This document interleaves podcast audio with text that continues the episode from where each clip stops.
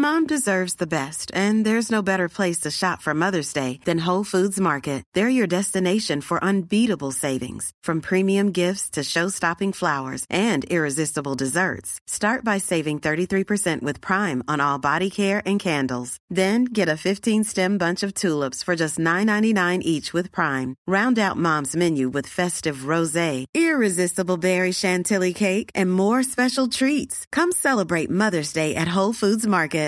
Ready to pop the question? The jewelers at BlueNile.com have got sparkle down to a science with beautiful lab grown diamonds worthy of your most brilliant moments. Their lab grown diamonds are independently graded and guaranteed identical to natural diamonds, and they're ready to ship to your door. Go to BlueNile.com and use promo code LISTEN to get $50 off your purchase of $500 or more. That's code LISTEN at BlueNile.com for $50 off. BlueNile.com code LISTEN. Mom deserves the best, and there's no better place to shop for Mother's Day than Whole Foods Market. They're your destination for unbeatable savings, from premium gifts to show-stopping flowers and irresistible desserts. Start by saving 33% with Prime on all body care and candles. Then get a 15-stem bunch of tulips for just $9.99 each with Prime. Round out Mom's menu with festive rosé, irresistible berry chantilly cake, and more special treats. Come celebrate Mother's Day at Whole Foods Market.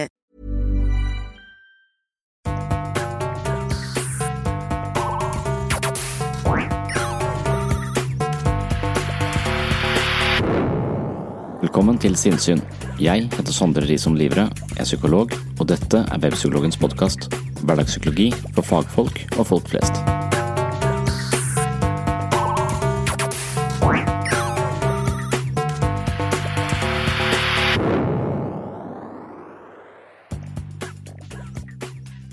I dag skal jeg tilbake til Arendal for andre del av foredraget som heter Alt du tenker og føler er feil.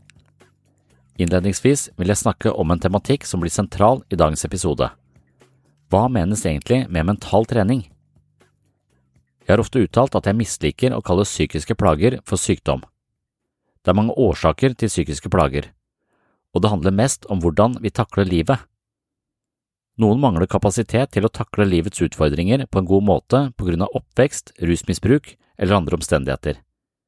De er ikke syke, men de har ikke trent opp sine mentale muskler på en måte som gjør dem i stand til å håndtere livet på optimalt vis. Det er kanskje mer riktig å si at de ikke har hatt muligheten til å trene opp sine mentale muskler på grunn av oppvekstvilkår eller andre uheldige ting som har skjedd i livet deres. Hvor mye dritt livet kaster i trynet på oss, er forskjellig fra person til person. Noen er heldige, og andre er uheldige. Men de beste av oss tåler å være uheldige fordi vi evner å møte motgang og faenskap med stor mental styrke. Hva innebærer denne typen styrke? Hvorfor er noen bedre rusta i møte med livet enn andre? Kanskje det ligner på kondisjon? Det er lett å forstå at noen løper fortere enn andre i et maraton. De som løper raskest, er som regel de som har trent mest eller mest effektivt. Kan det hende at dette også er tilfellet ved mental styrke, eller mental kondisjon? Er det mulig å kjøre en slags psykisk bakkeintervall hver tirsdag for å vinne over neste livskrise? Jeg tror det er mulig å trene opp mental styrke, men jeg er litt usikker på om vi er best tjent med en mental coach vi finner på en tilfeldig nettside eller på en tilfeldig podkast som for eksempel heter Sinnsyn. Hi, friends, fans, and followers. I have some news. So, after some struggles in my fashion, yoga, instructing, nutrition, and acting careers, I decided that it was time to stop focusing on myself and start focusing on other people. So now I'm a life coach. I don't have any qualifications per se, but I printed I printed these business cards. And I do yoga pretty much every morning when I'm not sleeping. And when I drink smoothies, they're the green kind. So I feel like that really qualifies me to give advice to people. You deserve everything and more. The universe will provide for you. Hard work is just a metaphor for asking for things. I don't have any clients yet, but I've been doing a lot of pro bono stuff. Faster! Go to medical school! Quit your job. Break up with him. Our company's slogan is fill the space because that was actually just what was already on the card template when I was making it. But I think it actually really works for what we're trying to accomplish. You know, nowadays there's really no need to try and figure out your own life when you can just pay me and I will do it for you. I have, have a business card. Stop, just stop. Change everything about yourself. Dagens episode er også henta fra den siste boken jeg har skrevet, som eh, kanskje befinner seg i min nettbutikk på webpsykologen.no akkurat nå, eller så er den eh, snart på vei. Liker du denne tematikken, så håper jeg selvfølgelig at du klikker deg inn på Webpsykologens bokhandel og kjøper én eller flere av bøkene mine til best pris med gratis frakt og rask levering. Velkommen til en ny episode av Sinnsyn. Jeg har tidligere skrevet en bok om eh, selvfølelse og en bok om selvbilde, og begge bøkene handlet egentlig om å lodde dybden i menneskets psykologiske liv. Nå har jeg skrevet en tredje bok i samme takt og tone som jeg tror skal eh, hete Alt du tenker og føler er feil, og jeg skriver disse bøkene tuftet på en grunnleggende antakelse. Kroppen og hjernen er ikke så forskjellig som vi tror. Det har lenge vært en regjerende oppfattelse at eh, mental utvikling stagnerer i voksen alder. Vi kan lære nye ting, men selve hjernen utvikler seg til vi er rundt 30 år, og deretter blir den langsomt skrøpeligere.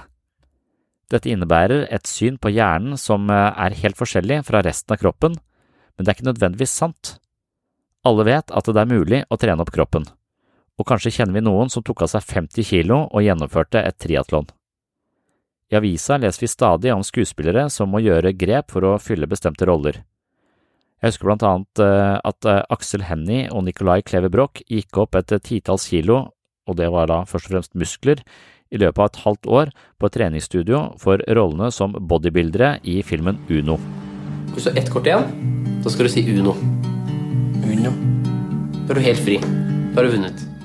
Jeg husker også at Anders Basmo Christiansen gikk opp 30 kilo, og det tror jeg var fortrinnsvis fett, for filmen Fatso, men så blei visst den eh, filmen eh, skrinlagt, eh, i hvert fall en periode, og Anders Basmo han gikk ned igjen og var da uaktuell for hovedrollen i denne filmen, og han nekta å gjøre det samme eksperimentet en gang til, altså gå opp 30 kilo for å fylle en rolle.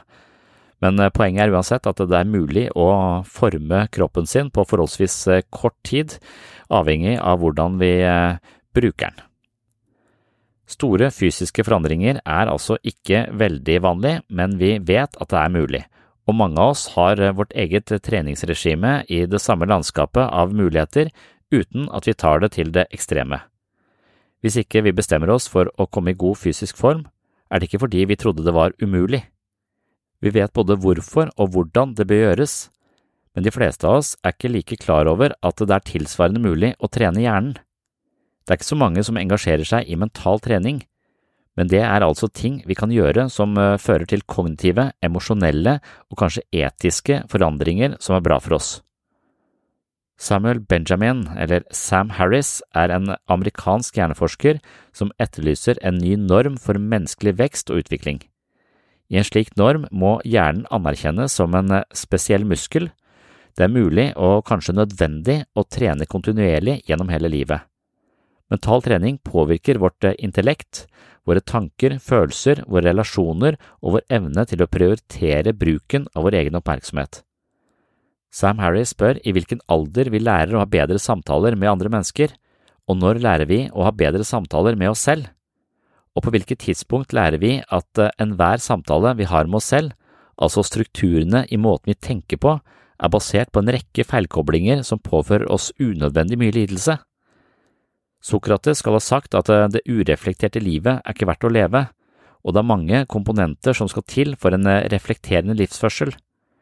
Det er ikke en bestemt måte å tenke på eller en måte å bruke oppmerksomheten på som gir oss alt vi ønsker, men alt sammen begynner med en grad av oppmerksomhet på vårt indre liv. Her spiller meditasjon en viktig rolle, noe jeg har vært inne på i mange tidligere episoder. Nå vil jeg bare nevne at meditasjon sannsynligvis er den best dokumenterte og best formaliserte treningsformen for mentale muskler. Likevel er det de færreste av oss som engasjerer oss i en regelmessig meditasjonspraksis. Slik var det også med fysisk trening for ikke så altfor mange år siden. Hvis du trente kondisjon eller styrketrening på mosjonistnivå for 30–40 år siden, var hun raring. På 40- og 50-tallet var også røyking sunt. Det var reklamer på TV som viste hvordan et flertall av leger røyket Camel, noe som viser at det er mulig for hele menneskeheten å leve i fullstendig villfarelse. Sam Harris foreslår at vi har en tilsvarende situasjon med hensyn til mental trening i dag. At leger ikke foreslår praksis for meditasjon og mental trening som forebyggende tiltak og som del av behandling for stressrelaterte sykdommer, er fordi meditasjon har havnet i en kulturell blindsone. Jeg har snakket mer om dette i tidligere episoder her på Sinnsyn. I dette segmentet vil jeg bare påpeke at innsikt er helt avgjørende, og når vi mangler det, vet vi ikke om det. Likevel er det åpenbart at en stor del av menneskets problemer handler om mangel på innsikt. Bortsett fra naturkatastrofer er det sannsynlig at verdens kaos stammer fra vår manglende innsikt i vårt mentale liv. Alle konfliktene mellom mennesker, all den meningsløse lidelsen det forårsaker, alle plagene som oppstår i en dårlig kalibrert syke, er symptomer på menneskesinn ute av kontroll. Neste gang du blir sint, opprørt, redd eller skuffa, er spørsmålet hvor lenge du vil bli i denne følelsens fengsel. Hvor mange uheldige avgjørelser skal du ta i lyset av de destruktive følelsene? Hvor mange kommentarer skal du lire av deg i denne følelsens navn, hvor mye tid skal du bruke på å angre i ettertid? Så lenge vi ikke er oppmerksomme på våre følelser og tanker, styrer de oss rundt i livet som en taxisjåfør uten sertifikat. Jeg har følgende oppfordring til deg som hører på. Når det dukker opp en følelse, legg merke til den, observer hvilke tanker som ledsager følelsen, og la det mentale uværet dempe seg før du gjør noe som helst. Bli kjent med deg selv og bruk gjerne Sokrates sin metode.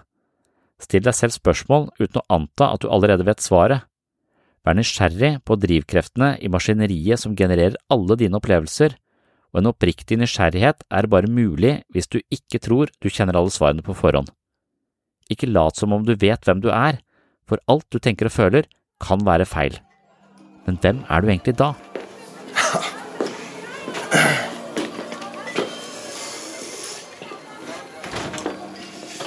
Hallo?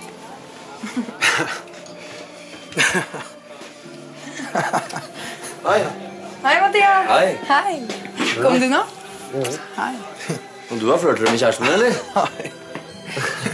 Beklager, jeg visste ikke at du hadde kjæreste. Hva, hva skal det bety? Hva skal det bety? Skulle det ha noe å si, liksom? Hvem er du egentlig? Ja, hvem er jeg?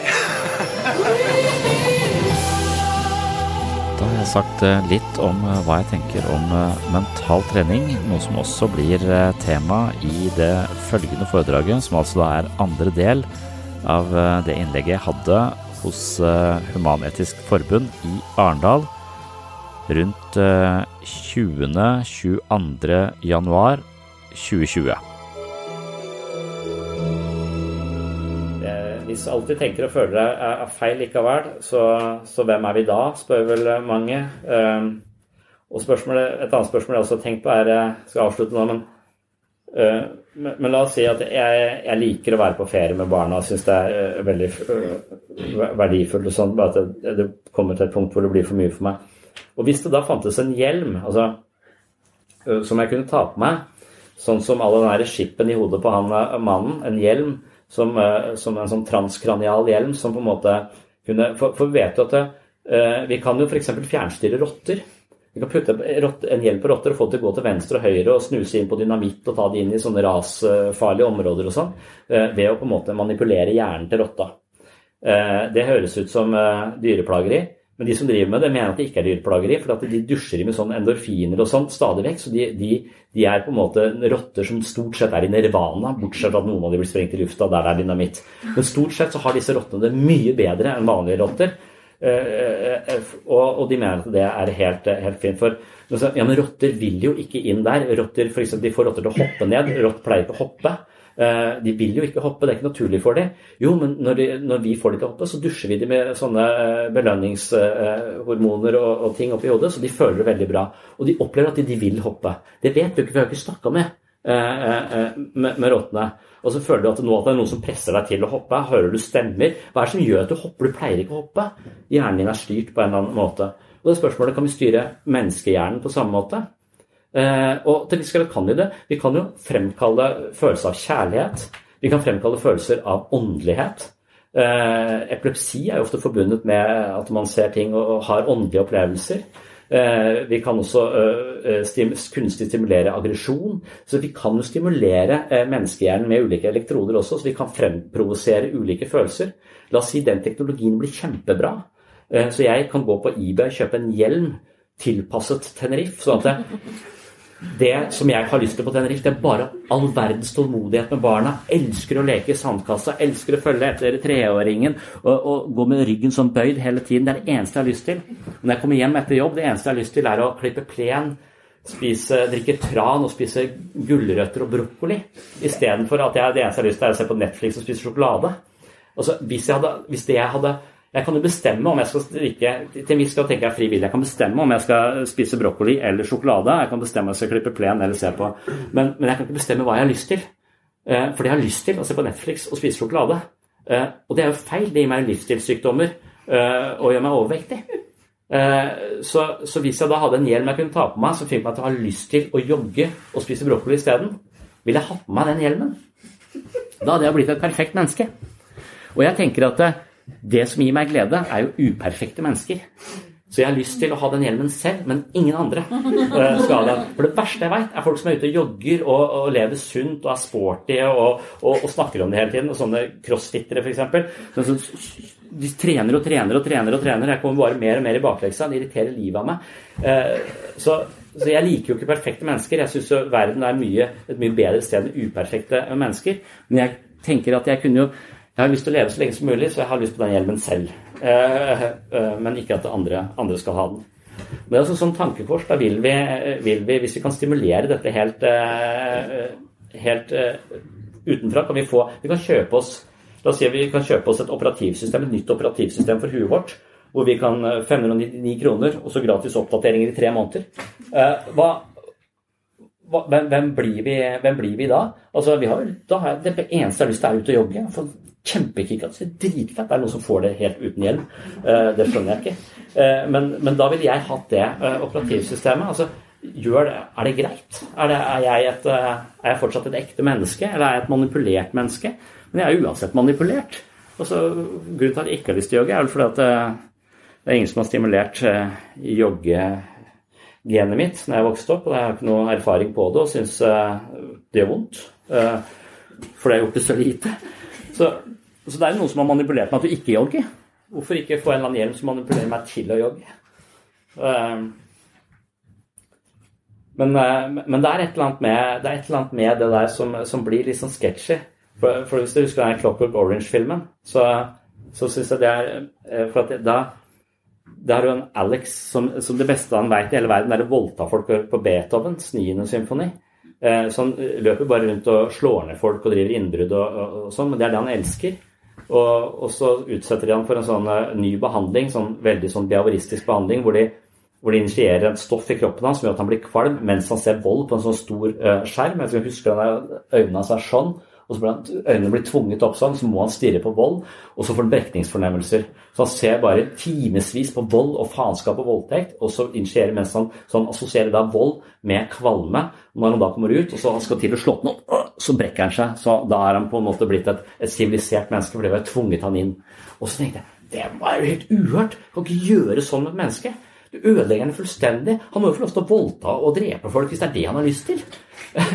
Det, det, det, er det jeg føler. Jeg føler at det er noe galt med å, å, å, gjøre dette. Men det er i prinsippet det vi gjør med den hjelmen jeg forestiller meg. Bare at jeg, jeg tenker litt annerledes om det. Og det er også det vi gjør med vi har for, alko, for folk som slipper alkoholisme, så har vi et sånt type stoff, antabus eller hva det heter, som gjør nettopp det. Altså vi, vi styrer atferden til det mennesket, at det blir kvalm hver gang det kommer i nærheten av, eh, av alkohol. Det er en sånn veldig behavioristisk innfallsvinkel til, eh, til, til, mennesker. Så vet ikke, vi kanskje diskutere det. Altså, vil vi ha en hjelm, f.eks., som, eh, som gjør oss til, til joggere? eller, eller, eller Jesusmennesker, f.eks.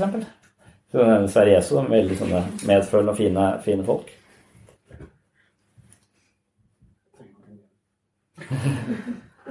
Nei. Jeg spørre deg? Mm. Hjelmen du snakker om, vil det gi deg noe atferdsendring? Ja. Det gjør det varig atferdsendring? ja, det vil jeg tenke. Eller, ja. Det gjør det. Hvis ikke strømmen går, da. Jeg vet ikke om det da faller tilbake. Men det er jo et tankeeksperiment. Men det er, det er jo ikke Jeg skjønner, men jeg Ja. hvis det har ikke noe total holdnings- og atferdsendring, så det blir bare når du har men du blir det mennesket du innbiller deg. Når du tar det av, så da er du fortsatt tilbake til den du var før. Ja, men jeg tror egentlig Eller hvis, du, hvis man da tenker på hvordan hjernen fungerer, så ville du ikke være helt den samme som før. For det ville være i, i den forstand at eh, Jeg tror det er undervurdert hvor mye vi fungerer på vaner. Og idet vi klarer å tillegge oss, eh, oss gode vaner, så tror jeg det er eh, Men det er nesten som om hjernen er som en sti, da. Også, eller en skog. Så er det stier, og så de stiene vi alltid har gått på, de går vi typisk på. For det å gå ut eh, utenfor stien det er jo både kronglete og vanskelig, men idet vi gjør det flere ganger, så kan vi gå opp nye stier. Så i hodet vårt så kan vi i prinsippet gå opp uh, nye stier hvis vi gjør det lenge nok. Da kan man forestille seg at denne hjelmen kunne hjelpe deg til å bli, uh, få en bedre livsstil. Um, så, så at du, du vil jo For hver gang du gjør noe, så, så fyrer du jo Hver gang du har lært noe nytt, så har jo hjernen Du har jo endra deg på en eller annen måte. Vi er jo aldri den samme i går som vi er i dag. Vi er alltid en dag eldre med nye erfaringer, med noen nye fyringer i, i, i hjernen. Men ikke så, ganske plastisk, men etter hvert som du blir eldre, ikke så veldig eh, plastisk. Men det bygger jo på det at du har ikke noe fri vilje. Har jeg forstått det riktig? Ja. jeg eh, liksom Jeg forstår ikke helt den der filosofien i frivillig. Jeg syns det er for vanskelig for meg på en måte helt å begripe. Jeg skjønner argumentene til Sam Harris, men jeg ville kanskje tenke at jeg, jeg kan ikke nødvendigvis styre hva jeg har lyst til, men jeg har en følelse at jeg kan velge å handle på mine lyster eller ikke handle på dem. Så at jeg ser for meg at jeg er en sånn romersk keiser som kan ta opp eller ned, så jeg kan avvise impulsen. Nei, den handler jeg ikke på. Nei, den handler jeg ikke på. Ja, den handler jeg på. Eh, Så at, eh, så at jeg men jeg, men jeg vet ikke hvor, hvorfor jeg har akkurat de impulsene, eller hvorfor jeg har, eh, har de. Jeg har ikke noen opplevelse av at jeg kan bestemme meg eh, for det.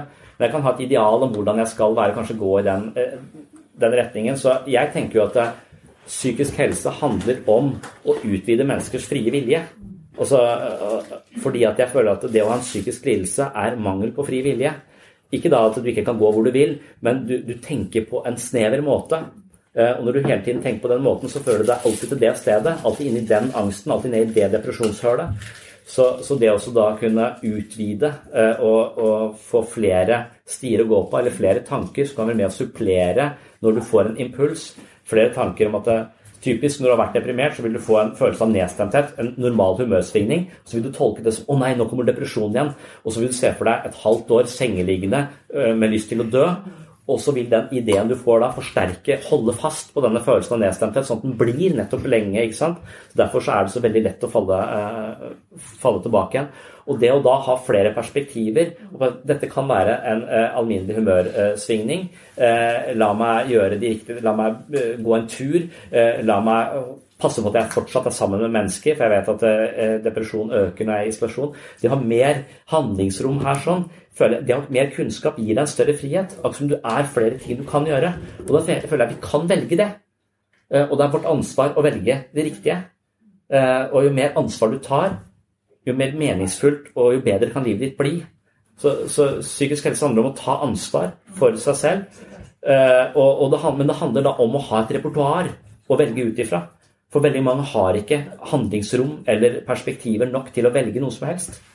Eh, så, jeg vil se på psykisk lidelse som mangel på fri vilje.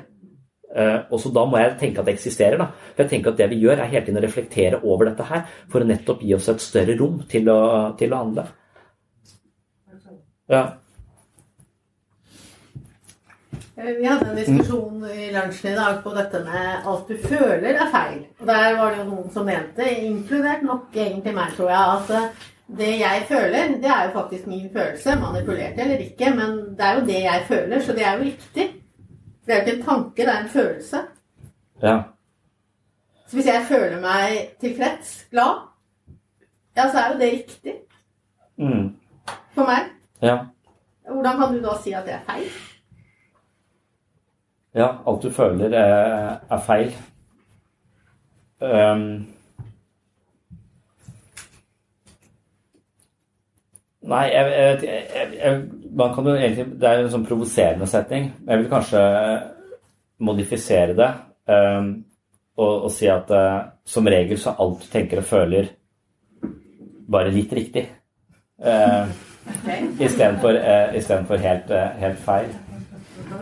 Uh, så Men uh, hvordan, vi, hvordan, vi, føler om ting, er jo også, det er også et slags kjennetegn på psykisk helse. Altså mennesker som tåler og forstår og kan håndtere følelsene sine som et rom til å føle. De lever ofte mye, uh, mye mer fleksibelt og, og, har det mye lettere, fordi at de trenger ikke å bruke så mye energi på å holde kraftige følelser fra livet. Men det er veldig mange mennesker som holder, som, som er opplevd så mye svikt, så mye faenskap, at de har på en måte stengt av eh, for, for, følelsene sine og har et forsvar som på en måte holder alt dette eh, unna. Og jeg er ikke sint, og hvis det er eh, dårlig stemning, så er det andre som er sinte. Og mangel på erkjennelse av sin egen sinne vil også ofte føre til både angst og, eh, og, og depresjon. Så når alt du føler er feil, så er det igjen noe jeg ofte sier til eh, til pasienter, for jeg tenker at de ofte handler på følelsene sine som en slags eh, kompass på hva som er eh, riktig eh, i, i livet. Og da tenker jeg at for noen som er godt skrudd sammen, så er følelsene et greit kompass å orientere etter. Men for veldig mange så er følelsene et ganske Så er det ofte veldig misvisende. Så man kan si Sven Brinkmann, f.eks., den danske psykologen, sier at mange psykologer sier du skal følge magefølelsen eller følge følelsene dine. Og da sier han hvis du følger følelsene dine, så havner du på sofaen med livsstilssykdommer.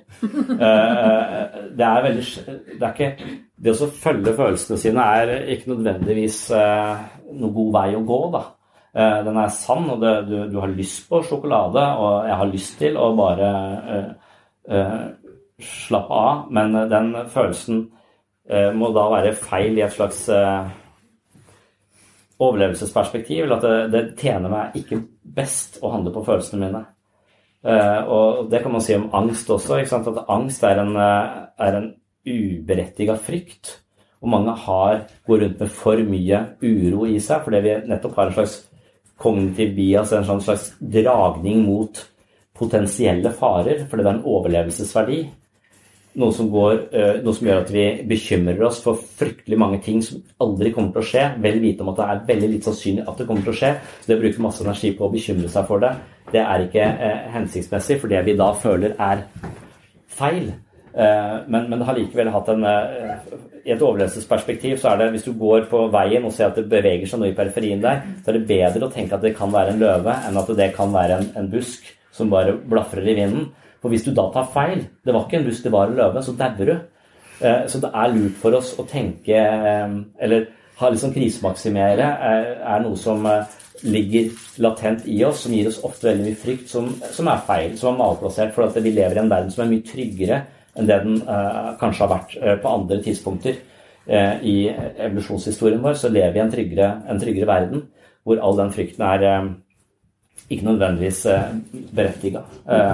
Og så kan den også være eh, berettiget, men sånn som Steven Pinky skriver disse bøkene om eh, at vi nettopp pga. at vi er så prima mot farer, så er det det som også gir klikk, og det er det som selger aviser. Så avisene er proppfulle av ting som skremmer oss, for det er det vi er ute etter. Vi er ute og vite etter. Vi må vite hva som er farlig, sånn at vi kan unngå de, eh, de farene. Og så, og så, blir vi også veldig prima til å se nettopp farer, og så får vi ikke med oss alt det som, som skjer. Så på 20 år så er det ja, han, disse Better Angels Over Nature disse bøkene Steven Pinker er jo ofte fulle av eh, eksempler på hvordan, hvordan, verden bare blir bedre og bedre, tryggere og tryggere.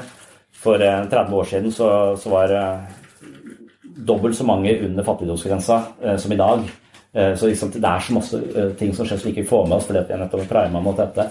Så jeg sier at alt du føler er feil, så er det fordi at følelsene våre er veldig ofte feiljusterte, de også. De, er, de, er, de, kan ta deg til et riktig sted. Noen kan lytte til magefølelsen din fordi de har et godt apparat som, som er tett på, på virkeligheten, og de, de, har erfaring på at de kan lytte til magefølelsen.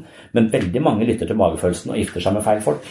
Eh, og skiller seg og gifter seg og skiller seg og gifter seg og tror at det å lytte til følelsen jeg må bare, å, det var kjempegod kjemi. Nei, Hver gang du føler god kjemi, så er det fordi at du kjenner trygghet på noe du vet hva er, altså en psykopat. Eh, for det var det du vokste opp, eh, vokste opp sammen med. Og da er, liksom, da er følelsen feil, eh, feil igjen. Men, men, ikke, igjen, da tror jeg det er sånn selektiv. Når du føler deg glad, ikke tvil så mye på den. Eh, eh, tvil heller på litt sånne andre, eh, andre følelser som så, så, det å ta avgjørelser på bakgrunn av hvordan du føler, ville heller ikke, tenker jeg, være så veldig smart. alltid. Men for noen. Men for meg så er det da bedre å si alt du tenker og føler er feil, for da tenker jeg, da har du i hvert fall gått noen runder uh, og undersøkt litt. Ikke, ikke, bare tatt det for god fisk, da. Ja.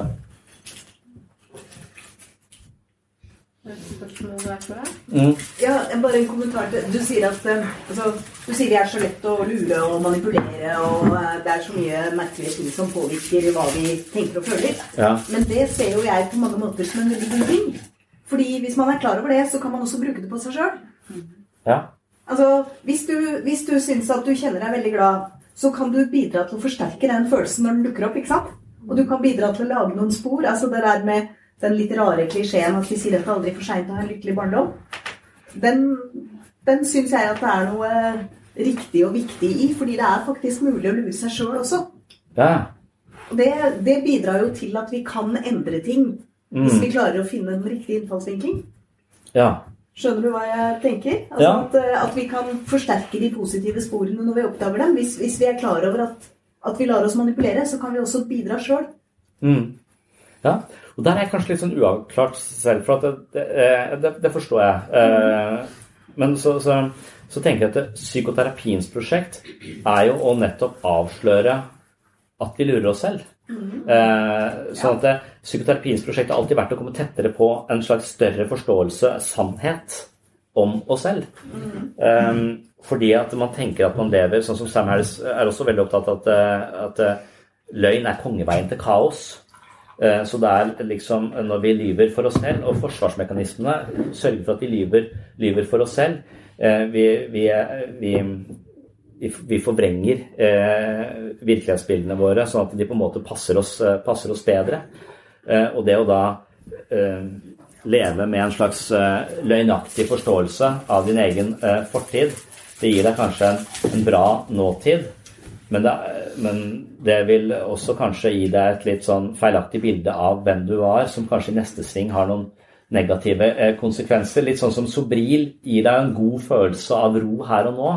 Eh, men det å leve et helt liv på Sobril, altså en, en, eh, en angstdempende medisin som sørger for at du blir litt mer sånn uh, ja. ja. Men det er forskjell på å leve på en løgn og ja. forsterke de positive opplevelsene. Ja. Altså Sammenlignet ja. din beskrivelse av den forferdelige eller den veldig fine ferien med ungene. da. Ja, ja. Altså Du er mm. fullstendig klar over at du hadde en del forferdelige opplevelser. Ja, det er ikke forferdelige. Nei, nei, men altså, det er ilandsproblemer. Ja, men, så det holder, altså. Små og store men altså man kan godt ha en forståelse av at ja, jeg har opplevd det og det, og det var så og så vondt og så og så, så, vanskelig, men man kan allikevel på en måte velge å, å fokusere mer mm. på de positive tingene. da. Ja. Ja. Uten, å, uten, å, fortrenge det som faktisk har skjedd. Ja. Det er ikke den der livsløgnen eller fortrengningen jeg er ute etter, men det er mer som du sier, det der handlingsrommet. Mm. Altså Vi har mulighet til å handle også i forhold til uh, opplevelsene våre, så har vi ja. mulighet til å forsterke de positive sporene. Mm hvis det er bra for oss. Ja. Det er helt, det tror jeg også det, der, der, tror jeg liksom at, at religion har en god, en god, praksis ofte. Det der med takknemlighet, f.eks. Altså at jeg, jeg, tror nok det nettopp er istedenfor å klage på at jeg har vært på ferie eh, i Spania, så kan jeg være jævlig takknemlig for at jeg er i en situasjon hvor jeg faktisk kan dra på ferie til Spania. Godt nok med en del sånn klimaskam. Men jeg har tenkt å gjøre det igjen nå, for nå går det så dårlig. Men, men, men, men det også, også være praktisere takknemlighet, eller praktisere sånn som Dalai Lama, medfølelse, så godhet for andre. og så holde fast i de øyeblikkene. Det er kanskje det mindfulness Nå føler jeg hvis du er oppmerksom på at dette er en god ting, dette var en god ting, og du gir det oppmerksomhet, så, så kanskje du tenker på det i fire sekunder istedenfor i to sekunder. Så tenker du at du på en måte kan forme, være med på å styre eh, livet ditt igjen. Du, du, er mer, du, er, du, er ganske aktiv, da, proaktiv i forhold til å forfatterskap i ditt eget liv, liksom. Ja, i hvert fall fokusere litt mindre på Ja. altså, Jo flere ganger vi gjenforteller hvor forferdelig det var å måke snø i fjor vinter, eller Ja, ja. hvor dum den og den personen var, jo flere ganger vi gjenforteller det, jo større har det en tendens til å vokse seg. ikke sant? Mm. Mens hvis man isteden forteller eh, noen av de positive opplevelsene De kan egentlig godt være små, og man kan være klar over at de er små, men, men det er veldig lett å lage spor i hodene. ja. Opplever jeg iallfall. Det Mm. er veldig fort å. Og så bruker vi den samme tendensen til å fornekte klimaforandringer, f.eks. Ikke sant? Ja. Så, så ja, men det går så bra. Det er bare sånne, sånne normale svingninger. Bare kjøre på. Så, så du kan jo lett stemme et politisk parti som gjør at du ikke trenger å gjøre noe som helst med, med, med klima.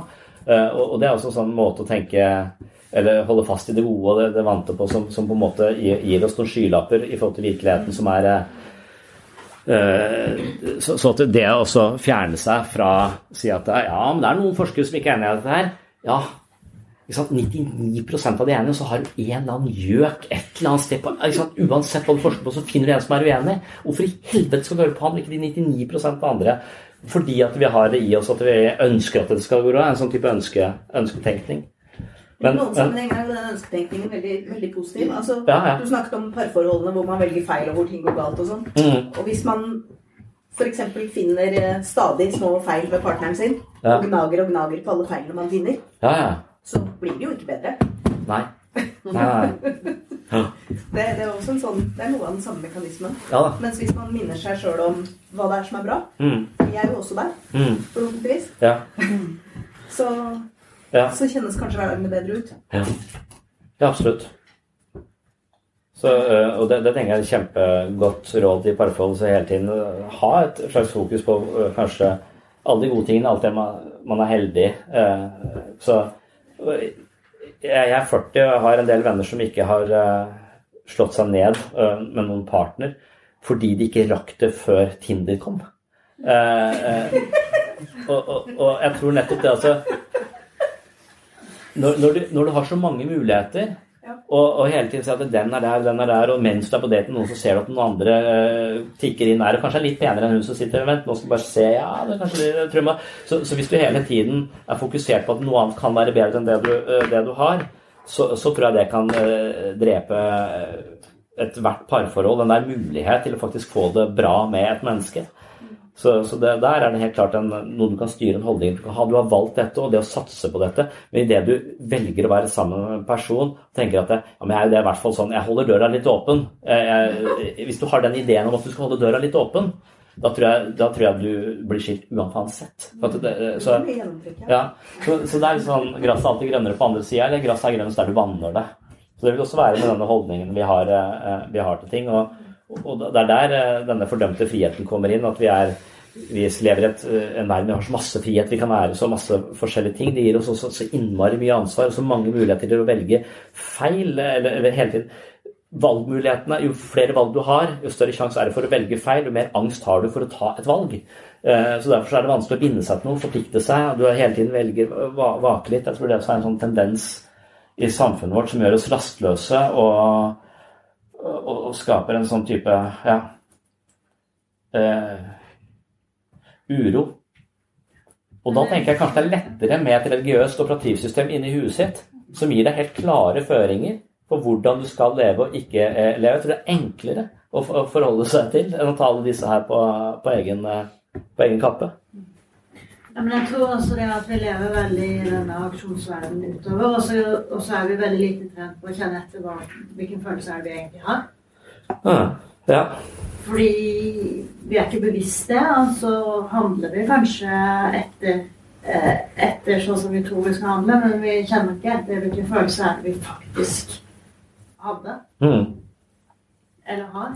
Ja. Og den følelsen du har, den har du akkurat nå, og så, og så skifter den på en måte. Og så hvis du følger og er oppmerksom på det, så er du også i stand til å kunne handle litt mer i tråd med hva du selv Mm. eh, klarer å observere, da. Mm. Um, Virkelig så, sånn som det er med alle ting. Altså at det, hvis du skal forstå en maurtue, så må du stirre lenge på den og kartlegge hva faen skjer her sånn. Ellers så er det bare rot. Og sånn er det kanskje med vårt eget indre liv også. Vi er nødt til å kartlegge åssen funker dette egentlig. Vi må forholde oss litt som en forsker til vårt eget indre liv for å forstå uh, hvorfor vi føler, hvor vi kommer fra, hvordan, hvilke følelser kan vi stole på, og hvilke følelser uh, kan vi ikke stole på.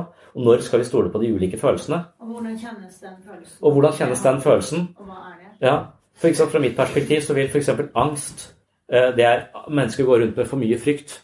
Og så skriver en som heter Davin De Becker, som har opplevd å bli grovt omsorgssvikta når han vokste opp, slått og masse vold og faenskap. Og han har gjort uh, hele denne Han har hele tiden måttet monitorere hva føler andre. Kan jeg si noe nå, eller kommer pappa til å klikke? Han er flink til å se andre mennesker, og han er flink til å observere farer. Uh, og, og, jeg har jo sånn slags utgangspunkt at folk går rundt og monitorerer farer og er redd for alt mulig rart. Jeg har agorafobi og det er alt mulig greier. Så de er så redde for alt mulig og monitorerer farer på helt feil sted. Men så han sier at vi har for lite frykt. Uh, jeg mener vi har for mye frykt, og han vil si det motsatte. Han sier at du har en, slags, du har en, en, følelse på et annet menneske og er farlig eller ikke. Og på et eller annet måte så er det et signal som forteller deg det, og det må du lytte til. Men pga. at eh, vi er så politisk korrekte, så skal vi ikke tenke at han er kriminell. Så derfor så skal vi bare akseptere at han ønsker å bære, hjelpe oss å bære posene inn i huset, istedenfor å si ja, men her, her holder det, kan, jeg kan ta det her, herfra kan jeg ta det videre sjøl, og lukke døra. For Du fikk en litt sånn dårlig magefølelse på hvorfor skal han være med inn i huset med disse posene. Jeg kjenner den jo egentlig ikke. men eh, men, men pga. høflighetens skyld så bare gjør vi det. Så han sier at alle overgrep de fleste som har opplevd et overgrep, har fått et eller annet signal tidligere som de har på en måte oversett. Så frykten vår er altså noe vi er nødt til å fininnstille. Vi må forstå hvilken frykt gir oss angst som er helt feil, og hvilken frykt må vi virkelig lytte til fordi at vi er en faktisk fare. Eh, og da må du være ekspert på dine egne fryktmekanismer. Og hvis du ikke er det, så er det som å ha et fryktelig dårlig Da kan du ikke Det er et fryktelig dårlig kompass. Men blir er jo ikke trent på dette i det hele tatt. Nettopp. Og, det er der jeg kanskje tenker det er et lite vakuum. Da, for jeg tror at f.eks. så vil eh, mennesker som mediterer mye, de vil ofte ha en uh, score høyere, nesten to standarder høyere på emosjonell intelligens og det å klare å lese andre mennesker og forstå sitt eget følelsesliv. Så det er ikke nødvendigvis vi trenger en intellektuell forståelse av vårt eget indre liv, men vi trenger en praksis som på en måte så meditasjon handler om å hvile som en observatør til det som foregår på innsiden, og da på en måte stirre på det så lenge at du på en eller annen måte får en tettere forståelse eller erfaring med det. Og, og da har du alle disse religiøse tradisjonene som nettopp har bønn eller meditasjon inkludert i praksisen sin. Eh, og hvis vi da kaster alt det ut med badevannet, så hva står vi igjen med? Da står vi igjen med tilfeldige yogainstitusjoner og mindfulness-institusjoner her og der på Alexia osv. Og, så og psykisk helsevern, kanskje. Jeg føler litt at jeg av og til øh, kanskje vi overtar øh, at det, det, Jeg syns religion ofte har stått for så mye drit og så mye umoral og ekskludering at det er bra at vi ikke har det. Men det er også elementer som er på en måte kultivert via tusenvis av år, som kanskje er veldig helsebringende for oss. Og hvis vi kaster all religion ut på banen, så må vi kanskje ha et alternativ. Vi må kanskje ha en praksis for vårt mer åndelige og si, psykologiske liv, og stimulere det. Uten å henge det på religiøsitet? Uten å henge det på religiøsitet. For, for jeg tror at hjernen er akkurat som resten av kroppen. Vi vet jo at det å trene kroppen vår er, er, bra for oss. Vi vet at jeg kan løfte vekter og få større muskler, og det blir lettere for meg å løfte tunge kasser. Uh, og, og, hvis jeg løper, så får jeg bedre kondisjon, og jeg, jeg får bedre uh, humør. Masse, jeg veit at jeg kan endre kroppen min. Jeg ser at skuespillere går opp 30 kg for å spille en rolle. Det er lett å se at de kan endre seg fysisk, men at hjernen også kan det. At hjernen også kan trenes opp. Det, det, er liksom ikke noe Det er ikke noe sånn um, det er ikke så allment. Det burde vært et helsestudio for huet. Eh, akkurat som det er et helsestudio for, eh, for, kroppen. Det er så naturlig for oss. Men jeg tror etter hvert vi kommer til å begynne å tenke sånn. At vi trenger et helsestudio eh, for, for hodet. Normally, being a little extra might be a bit much, but not when it comes to healthcare. That's why United Healthcare's Health Protector Guard fixed indemnity insurance plans, underwritten by Golden Rule Insurance Company, supplement your primary plan so you manage out of pocket costs. Learn more at uh1.com. Imagine the softest sheets you've ever felt. Now imagine them getting even softer over time. That's what you'll feel with Bowl and Branch's organic cotton sheets. In a recent customer survey, 96% replied that Bowl and Branch sheets get softer with every wash. Start getting your best night's sleep in these sheets that get softer and softer for years to come. Try their sheets with a 30-night guarantee. Plus, get 15% off your first order at bowlandbranch.com. Code BUTTERY. Exclusions apply. See site for details. I'm Sandra, and I'm just the professional your small business was looking for. But you didn't hire me because you didn't use LinkedIn jobs. LinkedIn has professionals you can't find anywhere else, including those who aren't actively looking for a new job but might be open to the perfect role, like me. In a given month, over 70% of LinkedIn users don't visit other leading job sites. So if you're not looking on LinkedIn, you'll miss out on great candidates like Sandra. Start hiring professionals like a professional. Post your free job on linkedin.com/people today. Ikke at du, akkurat som du sier du kaster barnet med badevannet, at du også kaster religionen med religiøse ledere? For du setter dem i samme bås. Du ser religion har vært årsak til masse drit og masse elendighet. Ja. Jeg ville kalle det religiøse ledere. En Ja. religion. Eller religionstilhengere. Mm. religion. Ja. Fordi uh, jeg er en religiøs person, derfor jeg Ja. kommer i den dialogen. Ja. Jeg tror selve religionen i seg selv vært- skal være opphav til menneskehetens fremgang. Ja. Og hvis det er det, bedre å la det være. Mm. Hvis det ikke er det. Men det er hvordan det har blitt misbrukt av Ja. religiøse ledere, Ja. tilhengere av den religionen, Mm. og oppfatningen av presteskapet. Ja. Det er ikke religionen. Religion er det som står for det som du snakker om. Mm. At du har en forstand, hvordan du skal det universelle egenskaper, Mm. hva det betyr, hva det er. Og det var en sånn kompass for deg selv, om hvordan du skal velge. Ja. Men jeg tror dessverre religion og religiøse ledere har kommet Det blir et ord nå. Eller tilhengere av en religion er Mm. akkurat som den religionen. Mm. Og det syns jeg det er litt uheldig. Det mener jeg. For det er veldig mye Ja, og jeg er enig i det. Så, så jeg vil være en slags eh, Jeg har gått for å være sånn hardcore ateist til å være mye mer sånn at ja, jeg tror det er et eller annet her vi, eh, vi, vi trenger. Og så har jeg møtt så mange religiøse mennesker som er så såpass sofistikerte i sin tro, og som ikke tvinger meg til å tro på, på mirakler for, for å ha en eh. Nei. Men, men så, så, og så syns jeg det, da, det er bare synd at alle disse menneskene som du nevner altså, Hvorfor er alle de som går rundt med kors rundt halsen, klin gærne? Eh, Hvorfor, og, og hvorfor er de langt ute på høyresida? Hadde Jesus stemt Frp? Det tror jeg ikke. Han har vel, han har vel gått langt ut på rødt, tror du ikke det? Altså, han- medmenneske, ikke sant? Han er jo ikke noe Ja, jeg tror han er en antikapitalist. Jeg kan nekter å tro at han er en eh, så, så ja. Det er mange dårlige representanter der. Ja. Men eh, du, du snakket om eh, det som vi føler, og som vi som tenker, kan være feil, ellers mindre riktig. Mm. Så hvis du bruker dette metodet til en som har eh, psykiske lidelser, som angst du nevnte, så da den personen som følger et bedringsvei, så hvordan den personen kan eh, finne at dette følelse er ikke galt eller feil, eller mindre riktig. Hvordan Mm. kan skille mellom de to? Skjønte du hva man gjør? Ja. ja.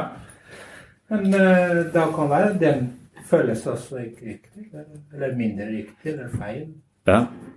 Og det er, det er derfor det, uh, det, er- det er derfor at jeg, jeg, jeg tror ikke Freud hadde en slags idé om at med en gang du fikk selvinnsikt, så forsvant problemet ditt. 'Å, nå skjønte jeg det. Nå er problemet borte.' Det tror ikke jeg stemmer. Jeg tror at, eh, at eh, problemet med, med huet vårt er at eh, den delen av hjernen som koder for følelser, den er mye eldre, sånn evolusjonært sett. Og, og prefrontal cortex, som er sånn den nyeste varianten, som er den delen vi bruker til selvrefleksjon, altså den delen som kan ha oversikt over alt det som foregår i dette mentale maskineriet. Men den delen den er treig, den bruker lang tid. Den bruker fornuft, den, bruker, eh, den er analytisk orientert, den hypotesetester, den ser for seg hva som kan komme til å skje i ulike scenarioer, og ut ifra det velger det som er best. Det er en veldig smart greie, men hvis det er en umiddelbar fare, så tar det for lang tid. og til, Hvis du bruker det i trafikken og tenker oi, ja, nå er det et eh, vogntog i min kjørefil i 80 km rett mot meg, det ser ser ikke Bang! Så er du der. Du kan ikke tenke. Da må du bare handle. Og det er det som er problemet med følelsen av at det skrur av tenkinga eh, og går rett til handling. Så, så vi får ikke noe rom mellom impuls og handling. Mens mental styrke handler om å, eh, å kjenne igjen de situasjonene hvor vi ikke må handle sporenstreks, eh, men faktisk koble inn kanskje ett, to, tre, fire, fem andre perspektiver. Som gjør at han som sniker i køen, istedenfor å slå han rett ned, så tenker hm, han er dobbelt så stor som meg. Jeg tror bare jeg holder kjeft og finner meg å stå bakerst, for da dør jeg ikke. Ikke sant? Så, det, er en, eh, det, er en, mye bedre eh, Og jeg tror at det, det er en treningsakt som løfter vekter. Det å, det å, når jeg våkner om morgenen og blir irritert på barna mine for det bruker for lang tid jeg kommer meg på jobben og sånn, eh, så kan jeg være en tålmodig variant av meg selv, og da går det som regel mye bedre. Eller jeg kan bli sånn Kom igjen, nå! nå og så, så går det alltid, alltid stå. Og det vet jeg, og jeg vet det, men idet jeg klarer å stoppe impulsen og si ah, blir, blir, sint, og klarer å holde besinnelsen, så klarer å koble inn flere perspektiver. Husk på at ja, men det pleier ikke å gå noe bra hvis du blir sint. Ta nå heller og hør på hva de sier, og så, og, så, og så, kan jeg handle annerledes. Da, det ser jeg på som mental styrke. Veldig... Men problemet med mental styrke er at det er ikke så lett å måle. Når jeg løfter vekter, så kan jeg måle hvor mye jeg løfter. Det var 30 kg i forrige uke, og det er 32 kg nå. Det er 2 kg uh, sterkere. Mens det jeg klarer av mental styrke, det er å ikke handle. Det er når jeg ikke blir sint, at jeg har vunnet. Men, men det er jo det er sånn det bør være. Derfor så, så, ser jeg det ikke. Jeg ser bare når jeg blir sint. Så Det er noe kjipt å eh, løfte mentale vekter, for det er så synlig det som er feil, og så usynlig det som er riktig. Eh, og Dermed er det mye vanskeligere for meg å loggføre min egen progresjon som mentalt sett. Eh, men så, men, så, tenker jeg bare at meditasjon hjelper meg, og selvrefleksjon hjelper meg. Og min evne til å koble inn flere perspektiver mellom impulsen min og handling, det er det som gir meg mental styrke. Så når jeg mediterer, f.eks., så, så pleier jeg å tenke på det som at nå skal jeg fokusere ett sted, eh, og jeg skal eh, se på mitt Jeg skal ikke være fanget av meg selv, jeg skal bare la tanker komme og, og, gå. Men plutselig så er jeg på en tanke, og så begynner jeg å tenke hva jeg skal til middag, og så er jeg fanget av tankene mine igjen. Og idet jeg oppdager det, så tar jeg liksom på en måte oppmerksomheten min tilbake her og nå, og så ser jeg det på det som én, ett løft på vektstanga. Jeg oppdaget at jeg var fanget av tanker og på vei inn i fremtiden, og så dro jeg det tilbake her og ser på det som én, ett løft. Og jeg tenker at det, mentalt når du er psykisk syk, så er det fordi at du ofte den, den, den, her kobles ut for raskt, og du reagerer for voldsomt fordi du har en erfaring på at dette er en livsfarlig situasjon. Type PTSD. Du har opplevd farlige situasjoner, og da vil du i overlevelsesøyemed reagere sporstreks på situasjoner som ligner, eh, men, eh, men ikke nødvendigvis er det, er det, samme. Og Da er det rett og slett å løfte vekter med prefrontal cortex. Jo sterkere du blir, jo flere situasjoner du klarer å avsløre at dette her eh, er en feil følelse, en feil tanke, jo, jo større mental styrke du har, jo bedre psykisk helse vil du få. De som ikke har skremt av mentale bilder, kan se for seg en skrekkfilm. Altså Du kan gå på kino og se forferdelige ting. Å bli livredd av noe som er regissert uh, uh, av Stephen King. Altså det, grunnen til at du ikke tør å gå hjem alene, er pga. Stephen King sin fantasi. Som han har uh, eh, putta på en skjerm og fått deg til å tro på så mye at du er redd for å gå ut i mørket. Uh, og du må ha med deg noen andre hjem. ikke sant? Det å at ja, men dette her er ikke nødvendigvis en refleksjon av virkeligheten. Det er en variant av det. Så, jeg, så, så Det er litt det samme, men noen har det inni hodet sitt. ikke sant? De har skrekkfilmen i hodet sitt. Det er fryktelig vanskelig å avsløre at den ikke er, eh, ikke er eh, riktig, og at det er noe vi ikke skal reagere på. Men ikke umulig. Altså, trening. Uh, mer en sånn åpenbaring, så ser jeg på det mer som trening. Og Da vil man også kunne redusere forventningen til terapi. Man tror kanskje at jeg har gått til en psykolog tre ganger, så skal jeg ha skjønt det. Det er akkurat som å tro at du skal gå og trene i januar og så løpe triatlon. Ja, jeg tenkte at nå skal jeg bare bruke en måned på å jobbe meg opp til skikkelig sånn eh, langt, eh, langt løp. Og så i det lange løpet så var det en som døde av hjerteinfarkt. For han liksom tenkte sikkert akkurat som meg, da bremsa jeg litt. Altså at jeg, du, du, må trene litt lenger for å klare å gjennomføre en så, noe så vanskelig. Mm.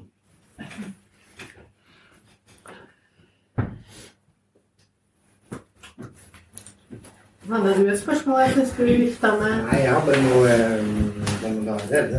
En av de er jo dette her med, med, med religion. ikke sant? Eh, religion er jo litt sånn ofte tanker som er så fjernt ute i forestillingene som er der, at hvis én person hadde hatt det, så hadde hatt kunde eller den institusjon eh, hadde hatt en en pasient. ikke sant? Men det er jo det at det er mange som har den samme forestillingen.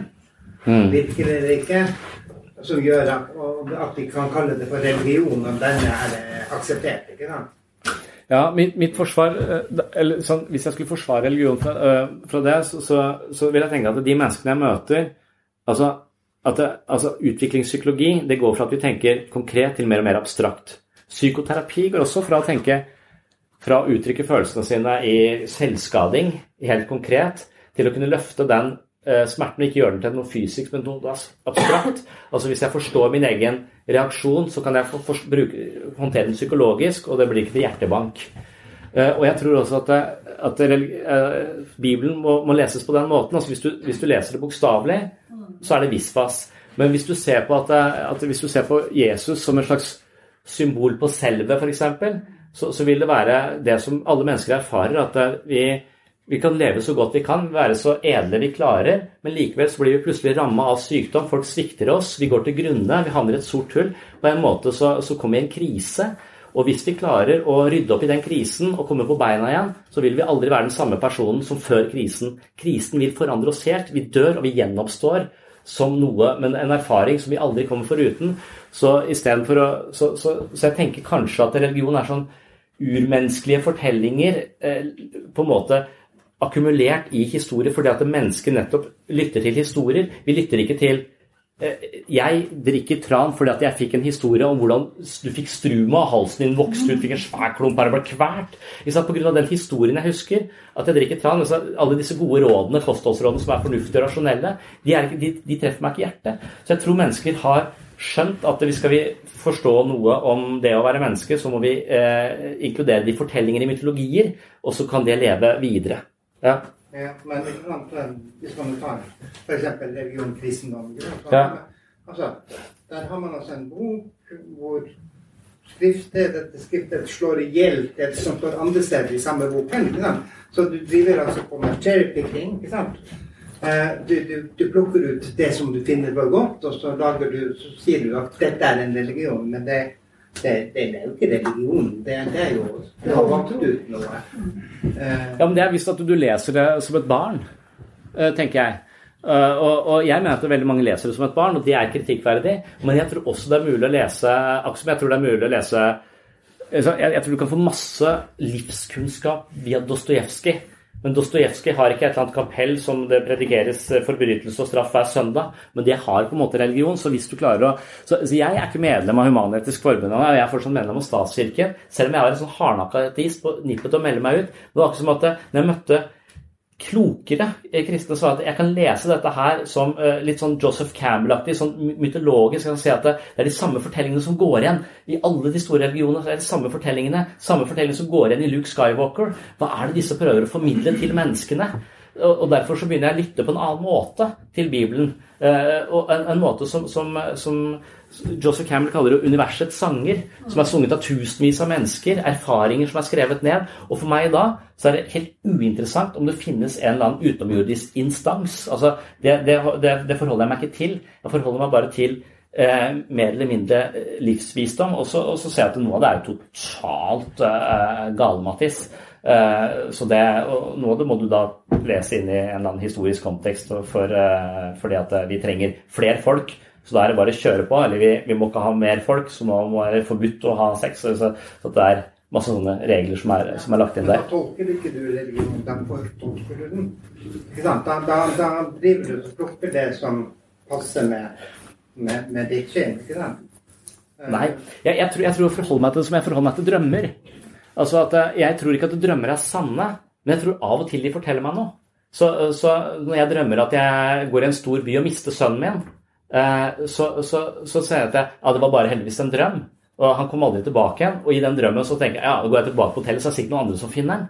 Ikke sant? Så er det sånn derre Oi, eh, sønnen min er midt imellom. Eh, jeg har en liten datter nå, en eldre datter. De får veldig masse oppmerksomhet.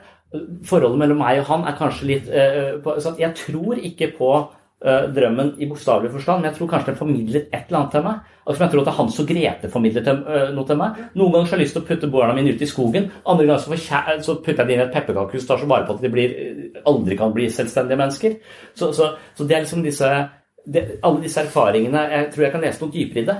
Og jeg tror at de kanoniske fortellingene som er i kristendom og islam, sånn, de har på en måte er kultivert gjennom tusenvis av år, så jeg tror de har noe ved seg. Eh, så jeg kanskje kaller meg kulturkristen. Jeg er opptatt av de fortellingene, eh, på en måte. Men samtidig så er det jo en lovbok som sier hva vi skal gjøre, hva vi ikke skal gjøre osv. Vi skal ikke blande forskjellige stoffer. vi skal ta Ja, det er det. Ja. Eh, hvis vi hadde samme forhold til Norges lover som, som du har til Bibelen, så kunne, kunne, vi bare velge at den, den, den paragrafen der liker jeg godt, så den, den står jeg for. Den, ja. Den, loven der, det er bare tull, ikke sant? Mm. Så, sånn går det ikke an. Det, det sier jo også kristne menigheter når de når mm. om, om kirken, den norske, ikke sant? Den, ja. Det er derfor jeg aldri er enig med, med, med religiøse ledere, for jeg bruker mye tid på å diskutere med dem. Men, men, og det, det, er nok fordi at jeg hele tiden vil, vil opp på et abstraksjonsnivå hvor Gud blir borte. Uh, litt sånn som Nietzsche tok livet av Gud på den måten. Til slutt så ble det bare kjærlighet eller et eller annet sånn abstrakte greier så, som de ikke kan forholde seg til. På et eller annet sted så må det cutoffen.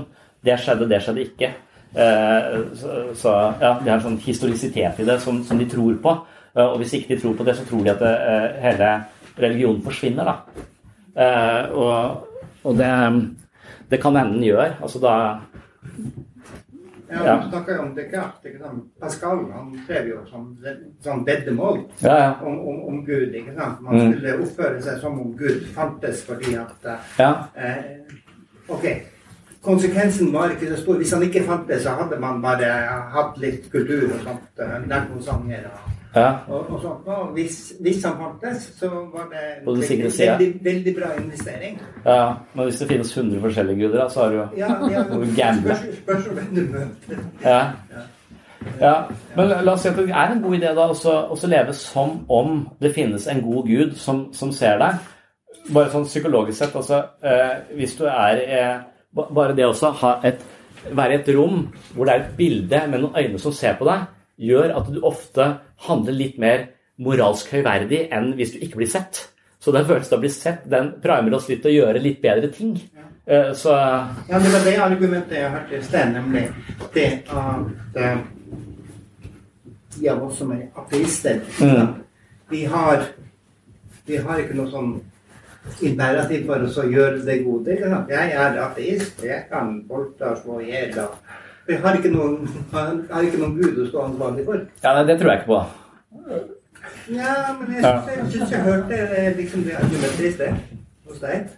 Det, det at du lurte på om ikke det var lurt å ha en gud som var bakom der, fordi at da visste man hva man skulle gjøre. Jeg syns jo at folk er ganske svake hvis ikke de vet hva de skal gjøre uten å ha en gud som forteller dem hva de skal gjøre. Ja, det, det er mer altså, Jeg lurer på om, om at eh, at problemet i vår kultur, hvis vi, hvis vi trenger et slags sam, at, det, at Hvis at religion er et ferdigtygd operativsystem som du kan putte inn i huet ditt, så, så er det liksom som at eh, da kommuniserer vi godt sammen, vi blir en god gruppe. Så kanskje kunne abstrahere så langt at alle de, 80 av folk er jo religiøse på en eller annen måte. Så hvis de da kunne på en måte um, samhandle på en ikke-krigers måte, for det blir så abstrakt at det blir ikke det du sa er feil, det jeg sier, jeg sier er riktig, så ville det være et slags håp. Uh, mens, mens som jeg ser for meg, hvis vi ikke har eh, noe felles referansepunkt i forhold til noe, så blir det algoritmene til Netflix og, og Facebook og Google som bestemmer verdigrunnlaget vårt. Eh, sånn at det, er som at eh, hvis alle datamaskiner hadde hvert sitt operativsystem som ikke kommuniserte hverandre, så hadde vi liksom ikke fått noe samhandling. Jeg, jeg, tror ikke nødvendigvis på dette, for jeg, jeg, alltid, jeg definerer meg som en ateist agnostiker. Men jeg er usikker. Hva er alternativet til å ta det vekk? Eh, hvis du bare levner folk til eh, hvor, hvor, får vi verdigrunnlaget vårt fra, og hvordan i det hele tatt blir det felles når, når algoritmene eh, Når mine anbefalte filmer er helt annerledes enn dine pga. at de kjenner oss bedre enn vi kjenner oss selv. Så de på en måte primer oss, eller, eller YouTube. Når jeg er opptatt av Sam Harris, så får jeg Jordan Peterson. For Jordan Peterson så får jeg Bill Mair, og når jeg får Bill Mair, så får jeg Ben Shapiro. Og når jeg får Ben Shapiro, så får jeg plutselig så er jeg nede i et mørkt, mørkt hull uh, med noen tanker Så det er et ekkokammer som bare uh, så, så, jeg lurer på om, om religion ha, kan fungere som et sånt mentalt immunforsvar mot ideer som er enda dårligere enn de, enn de som allerede er der. uh, Jeg tenkte på det du sa om at vi burde ha et trening, treningsstudio for uh, mental uh, styrke eller ja. Mm. Det syns jeg for så vidt høres ut som en god idé, da. Eh, hva tenker du om de metodene som på en måte definerer hva slags mental styrke du har, som tester den mentale styrken du har per nå? Tenker du at de er eh, like bra som den måten man tester fysisk styrke på? Eller fysisk tilstand på? Jeg vil kanskje tenke at eh, mentaliseringsevnen er et godt ord eh, på det. Det betyr evnen til å se meg selv og mitt eget sinn, eh, og evnen til å forstå andre mennesker fra, fra innsiden. Mm. Så Du tenker ikke at det har noe med utholdenhet, f.eks.? Altså det å på en måte beholde motet selv om det er kaldt, vått, tragisk, alt er håpløst? Så det eneste som holder deg oppe, er på en måte evnen din til å tro på at du skal greie det? Ja, det er litt sånn, der er litt sånn eksistensfilosofisk orientert. Egentlig vi er dømt til å skape mening i eget liv. For jeg er jo ikke religiøs. Jeg tror ikke at det fins en, en, en, mening som allerede er, er, der for oss. At det er vårt At, at det er vår Det er på en måte det vi, det vi er dømt til å gjøre. Vi må finne mening i eget liv. Og da registrerer jeg jo at uh, hvis du har rusa deg lenge, så vil den delen av hjernen din som kode for uh, mening og gode opplevelser, den vil være ganske kompromittert. Den vil være avhengig av stimuli utenfra, for den produserer ikke disse nevrokjemien på egen hånd. Uh, og da vil du være veldig dårlig rusta til å skape mening i eget liv når du blir nykter. Og da ser jeg at det eneste som på en måte hjelper deg opp til å aktivere den delen av hjernen din og trene den opp igjen, det er ofte at de blir treningsnarkomane eller veldig religiøse. Så de to tingene funker, liksom. Uh, på at, og religion da kanskje fordi det er et eller annet som er større enn meg selv, uh, feeling uh, med det. Men, men, men, jeg er veldig sånn jungiansk inspirert, så jeg tror nok at jeg, jeg føler en selvrefleksjon. Altså, jeg er litt sånn sokratisk, og så jeg tenker at det, det, ureflekterte livet er ikke verdt å leve. Det, det er jeg litt enig i. At du er nødt til å reflektere over disse tingene. Og du er nødt til å reflektere over de mørke sidene også. Eh, og det er kanskje det som spesielt Gammeltestamentet da viser oss. Altså disse mørke kreftene i, eh, i menneskelivet. Sånn som Jordan Peterson er veldig opptatt av at alle kunne potensielt sett vært fangevoktere i Auschwitz. Eh, og hvis du erkjenner at du har de impulsene og de mørke, mørke mørke sider, og våger å se på de, så eier du de, og da vil du ikke plutselig tuppe deg i ræva, og så plutselig befinner du deg i en situasjon hvor du gjør et eller annet helt umoralsk. Altså det, det, å være kjent med seg selv, det å våge sine mørke, eh, mørke sider, eh, så lodde dybden i seg selv. Noen sier at vi har et tjern inni oss, og inni dette tjernet så er det masse vann. er ofte symbol i, i mytologi på, på menneskesiden, og der nede bor det hvaler som vi blir spist av, åpenbart, i Bibelen osv. Så, videre. så hvalen er på en måte symbol på alt det mørke, og, men også, også, en transformasjon. De kommer ned i magen, som, som på en måte er et sted hvor, hvor noe blir gjort til næring, så vi kommer ut som et blir spytta ut igjen. ikke sant? Så, så, så, alle, så, det å gå ned i disse mørke tjernene det gjør at vi blir et større menneske. Vi blir hele og blir opplyste. Mens veldig mange lever på uh, Oppmerksomheten vår er ikke der. Oppmerksomheten vår er uh, kjøpt. Eller ikke er kjøpt engang, vi har gitt den bort til Facebook og alle de store. Så de selger vår oppmerksomhet til kunder og tjener her styrtrike på at vi nettopp ikke går innover, men hele tiden går, ø, går utover. Og hver gang vi føler en eller annen smerte på innsiden, så går vi for en eller annen medisin som gjør at vi føler det litt bedre, eller kjøper oss en hjelm ø, som gjør at den, ø, den, følelsen går vekk, så at jeg bare får lyst på brokkoli. Så jeg tror det er det svar på hvorfor du ikke trenger den hjelmen. For det er nettopp via smerten, det er nettopp via å lodde dybden i dette her, at vi blir et rikere og større menneske. Vi blir et mennesker menneske på brokkoli og jogging. Altså, Jeg blir et menneske totalt uten dybde. Jeg kan kanskje tro at jeg har det bra, men jeg tror, ikke, jeg tror, tror det finnes så masse uh, der som ikke, som ikke kan, uh, kan møte.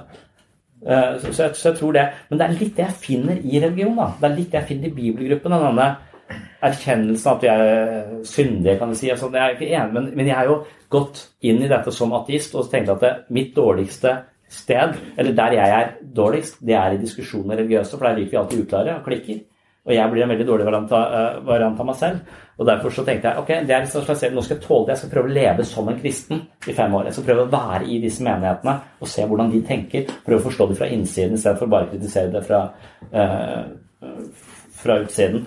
Og i sånne bibelgrupper og på sånne kurs så føler jeg at folk nettopp lodde litt dybden i seg selv. Er, når ikke de tror på sånne ting som er eh, mirakler og, og, tøys og tull, så er det noe annet som foregår der. Eh, en eller annen sånn samling. Det sto jo her nede. altså Hvis du bare vil ta, slå en prat, så kan du komme opp her. Litt den, altså Har vi et sted hvor vi sammen med noen andre kan eh, lodde dybden i noe på en litt, litt mindre hverdagslig måte? Og det er der jeg tenker Kirken har en del fordeler. De har ritualer. Vi trenger ritualer. Vi trenger å sette av tid. Nå skal være stille i dette rommet. Det er sånn andektig. Altså, det er noen sånne ting som kanskje skal til for å skape en gruppe. Altså, for meg som gruppeterapeut så er rammene i gruppeterapi sykt viktige. Hvis folk ikke kommer på tida, og hvis de ikke slutter på tida, eller hvis folk kommer litt uh, når de vil, og hvis de ikke respekterer liksom, vi, må ha, vi, sånne vi skal ikke ha kaffe der. Vi har sånne syke regler bare for, ha, for reglenes skyld, nesten. Altså, vi, vi, lager, vi, skal markere at dette er ikke en vanlig syklubb, dette er noe annet enn det sosiale. Her lodder vi dypt på en annen måte. Og, og, sånne symbolske ritualer rundt oss hjelper oss inn til et, eh, til et sted hvor vi, hvor vi, kommer vekk fra det hverdagslige og, og, og trivielle og syklubbmentaliteten og ned i noe annet. Uh, og da må man uh, kanskje gjøre noen grep. Men for mentaltrening, mm. når man skal trene fysisk, så du har et mål ja. Du vet hvor du er, og du har du komme dit hen. Ja. Jeg tror hvis du har kommentartrening om det samme, mm. da er det greit at man har mediterer, man tar seg i regnskap hver dag. Ok, hvordan var dagen min? Hva er det jeg kan forbedre? Og det er målbart. Det er det. Men hvis man ikke har noe mål, og man vet ikke hvor man er, så det blir vanskelig å måle seg utvikling. Ja. Akkurat det samme med vekten. Du skal gå ned i vekt. Det første du gjør, du går på vekten og sier hvor mye du veier du i dag. Mm. Og hva er det du skal gå ned? Mm. Hvor mye muskler da, da har du da er mål. Jeg tror det kaller det hva du vil, åndelig eller eh, mentalt eller hva. Det er målbart. Religion er også har, eh, har empiriske data. Det går an å måle det. Man ser resultatet av hva religionen har gjort. Det er målbart. Mm. Hvis det er sagt er det blitt praktisert, eller er det bare sagt og gjort noe annet? Så det, er, det stemmer ikke. Er det noen sammenheng mellom religion og vitenskap? Er det der eller er det Som han begynte med Descartes. Du kommer til Galilei som ble drept pga. det han sa om kirke. Så det, det, er en utvikling i den, den delen der òg. Men jeg tror for hver enkelt av oss det er veldig målbart. Og, fordi Jeg tror ikke personlig at kan man, man kan lyve til seg selv bevisst. Det tror jeg ikke. Men det kan være du som psykolog sier det er mulig. Men uansett Nei, jeg tror heller ikke det er mulig. Jeg, jeg tror vi lyver til oss selv hele tiden, men vi, vi oppdager det ikke. Det er nettopp det. Ja. Men jeg tror at hvis man er man er såpass eh, er ydmyk til å se hvor hva, For det første, hva er hensikten med mitt liv? Der er det mentale.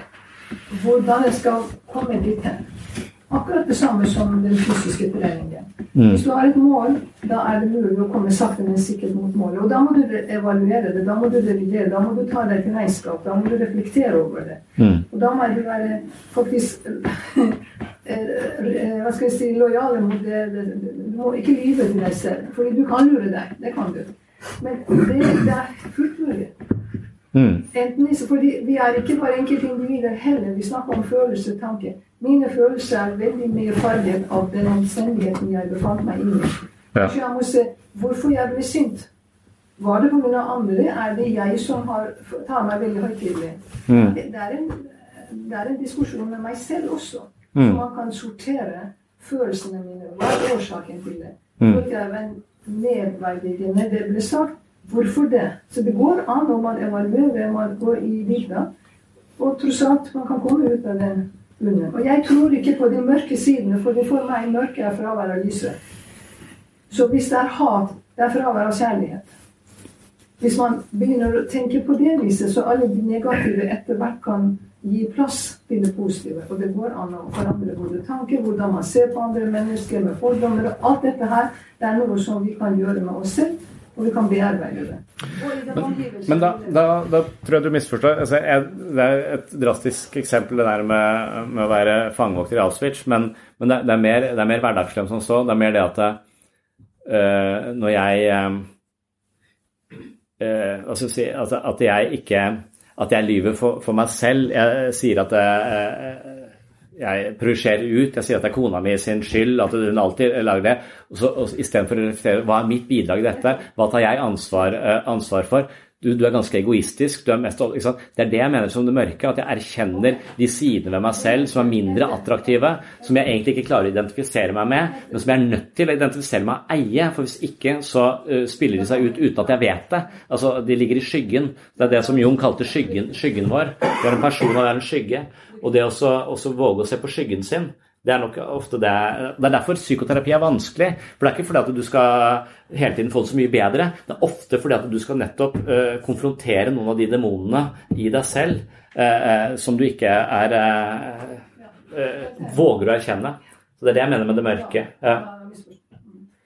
Eh, vi hadde jo eh, litt rammer rundt dette møtet. da. Vi greide å starte veldig presis klokka sju. Og så var det vel meningen at vi skulle avslutte klokka ni. Mm. Eh, så jeg vet ikke om du har noen sånne ord du vil si til slutt? Nei, det var, det var, mer det du sa som jeg tenkte ut som var veldig enig tror jeg. Men ja.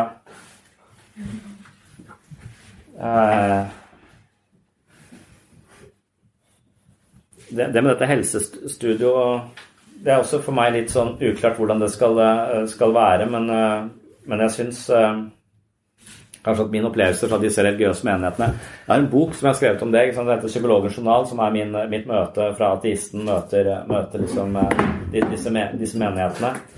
Jeg har den med her hvis noen er interessert i å ta, kjøpe den. Men det er også en slags eh, hvor jeg, hvor jeg, tenker Jeg har skrevet så mye om ulike strategier for å få det bedre med seg selv. Sånn sånn begynte med at eh, det er bedre å Eller hva er, det, det er bedre Noen sier at det er, det er bedre å ha gode relasjoner enn å ha rett. Og jeg var veldig opptatt av rett når det kom til religion. Og det gikk på bekostning av relasjoner. Hva er verdien i de to tingene? Er det bedre for meg å ha gode relasjoner eller å ha rett? Så, så det, er, tusenvis av sånne eksempler som jeg har skrevet om i tidligere bøker. Så tenkte jeg, hva hvis jeg, Hvordan skal det implementeres i livet? Hvordan kan man lage Eh, settinger og situasjoner for seg selv som er meningsskapende, lodder dybden på en annen måte og utfordrer meg på en annen måte, også på de, mine negative sider.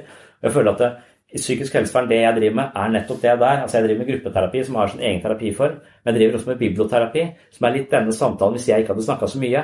Hvis vi hele tiden har hatt denne typen samtale også mellom De har jeg nesten hver dag, tre dager i uka, så sitter jeg med, med mennesker og snakker på den måten. Får de innspillene som du har, som får meg til å tenke på noe annet, som får meg til å forstå det på den måten, og så spiller jeg det tilbake igjen. Og, og det føler jeg også er et mentalt treningsstudio. Det er en intellektuell måte å, å, å utvikle seg på. Det er å utvide ideene sine.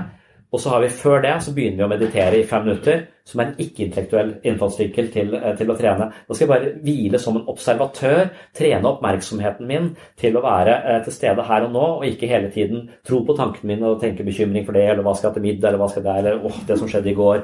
At jeg aldri er til stede, at livet mitt aldri er her og nå, aldri genuint interessert i det som foregår her og nå. Så først mediterer vi for å komme hit, og da er jeg oppslukt av samtalen, oppslukt av det andre, andre mennesket. Tida står stille. Og, og idet jeg får den opplevelsen, tenker jeg at det er det beste Noen ganger så bryr jeg meg genuint om de menneskene rundt meg. Det, det er det beste livet har, å, å by på det. utvider meg sånn. Uh, og jeg elsker det fora. Jeg tenker Det må være det jeg tenker på som et mentalt treningsstudio. Og det å ha sånne type grupper som dette, kanskje er litt mindre, for dette er litt mange, og folk, det blir nervøsitet et så stort rom, men lage Jeg kaller det biblioterapi, da. Uh, og, og, så burde jeg Men jeg tenker den anmodningen på døra her nede er, spiller litt inn til kanskje å ha den typen settinger. Jeg opplevde bibelgrupper litt på den måten. Hvis jeg så vekk ifra uh, når vi diskuterte homofili, liksom. Uh, for da, da, da, da gikk vi uklare uansett. Uh, så, mens, mens jeg var heldigvis i bibelgrupper som var mer sofistikerte enn som så. de hadde settingen, de hadde rammene, de hadde noe av det samme som jeg finner igjen i det vi gjør i våre mentale For jeg tenker ikke på jeg tenker jo ikke på folk som psykisk syke heller. Jeg tenker bare på alle mennesker som mer eller mindre feiljustert.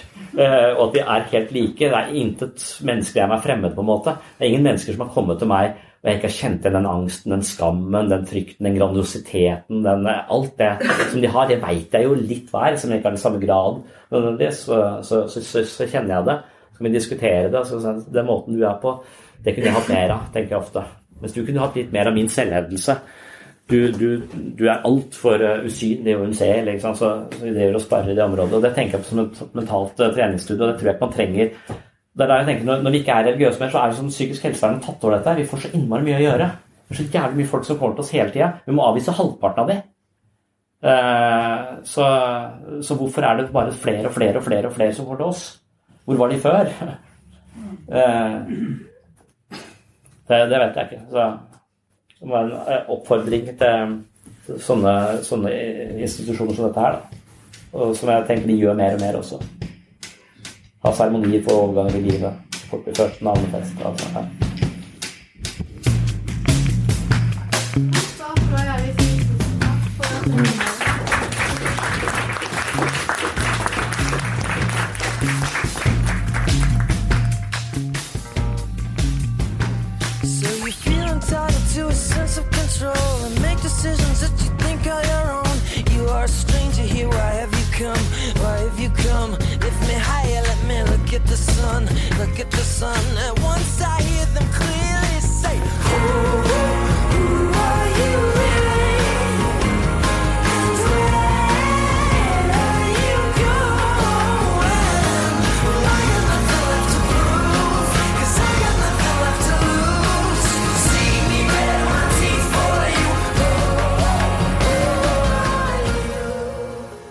hjertelig takk for at du hører på Sinnssyn, og hvis eh, alt er i rute, så kan det hende at jeg har en ny bok ute på denne tiden.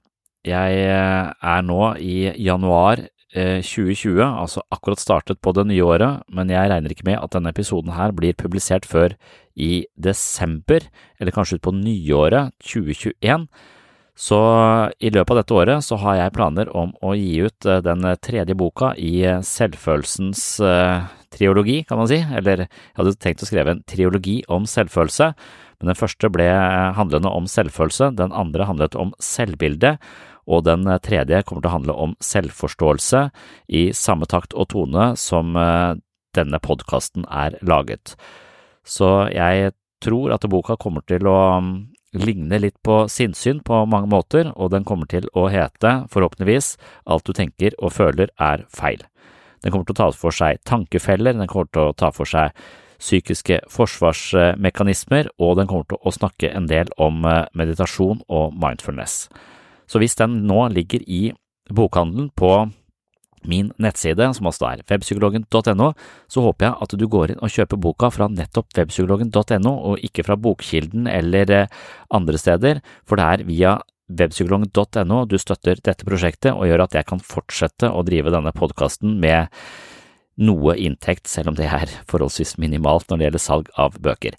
Men jeg liker dette her, jeg elsker å snakke om psykologi, jeg elsker å undersøke det og tenke på det, og jeg håper at du eh, liker eh, det som foregår her, og det gjør du tydeligvis, for nå har du hørt eh, på dette her i 1 time og 19 minutter og 10-11-12 sekunder, så da må du jo ha i hvert fall en viss utholdenhet.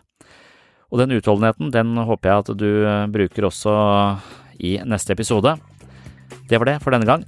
På gjenhør!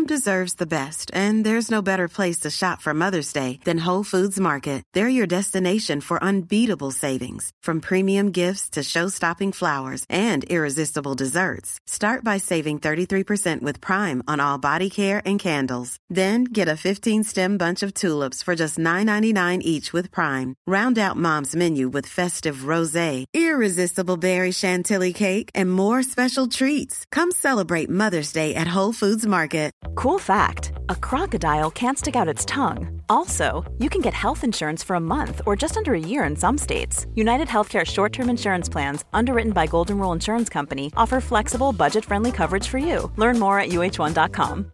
Hey, it's Paige DeSorbo from Giggly Squad. High quality fashion without the price tag? Say hello to Quince.